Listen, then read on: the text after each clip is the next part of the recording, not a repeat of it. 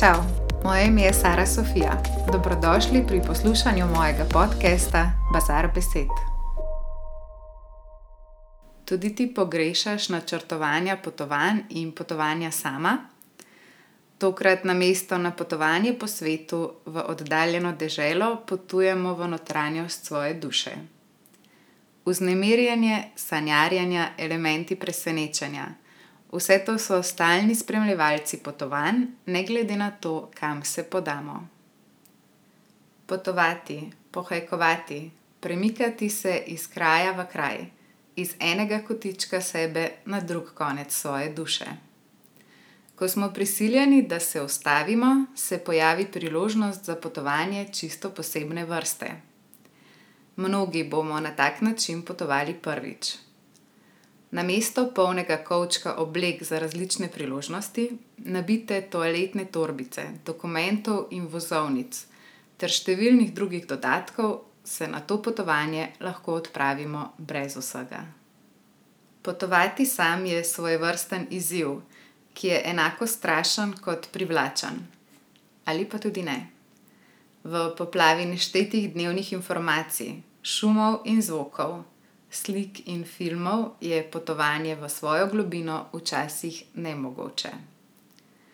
Morda je poseben privilegij, če ti življenje nakloni možnost za izklop iz poznanega vsakdanjika, da ob popolnem resetu spet najdeš svojo pravo pot, začneš negovati svoje skrite sanje in želje, spoznaš vrednost neprecenljivih trenutkov, ki jih lahko nameniš sebi in svoji dragi osebi svoji družini, prijateljem in vsem tistim, ki so preprosto tvoji.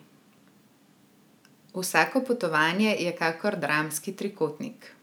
Ima zasnovo, ki je nekakšen začetek, vstopna točka na novo pot. Naslednji korak je zaplet, ko na poti naletimo na oviro, nerešljivo dilemo. Sledi filmski moment, ko se na sceni pojavi rešitelj ali samo genialna ideja, ki že nakazuje naslednji velik korak. Vrh je trenutek, ki se ga po potovanju vse življenje najbolj spominjamo. Ta trenutek je poln vznemirjenja, pogosto se ga najbolj spominjamo, ker smo v tistem trenutku, na tistem kraju, presenetili sami sebe. Tekom potovanja smo nekaj naredili drugače, kot bi sicer.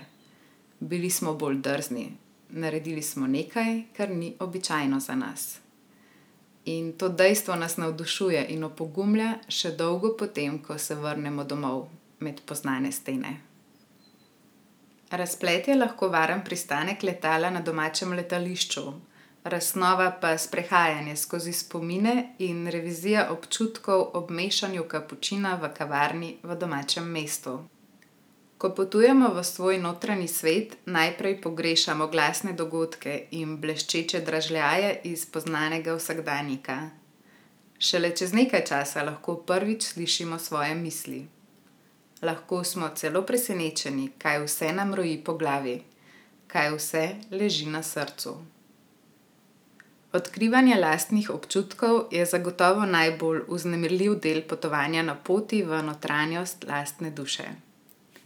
Resnični občutki so lahko skriti in prekriti z nešteto drugimi, tistimi, ki so bili dolgo časa maska ali fasada, za katero pa se skrivajo pravi, prvinski, iskreni in najmočnejši emocionalni odzivi.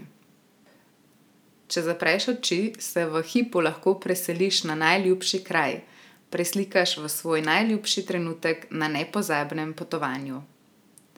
Prav tako lahko vsak trenutek najdeš najlepše občutke, ki se vedno skrivajo v tebi. Zaslišiš tisti iskren glasen smeh s prijatelji, začutiš objem ljubljene osebe, podoživiš presenečenje, ki so ga zate pripravili tvoji dragi.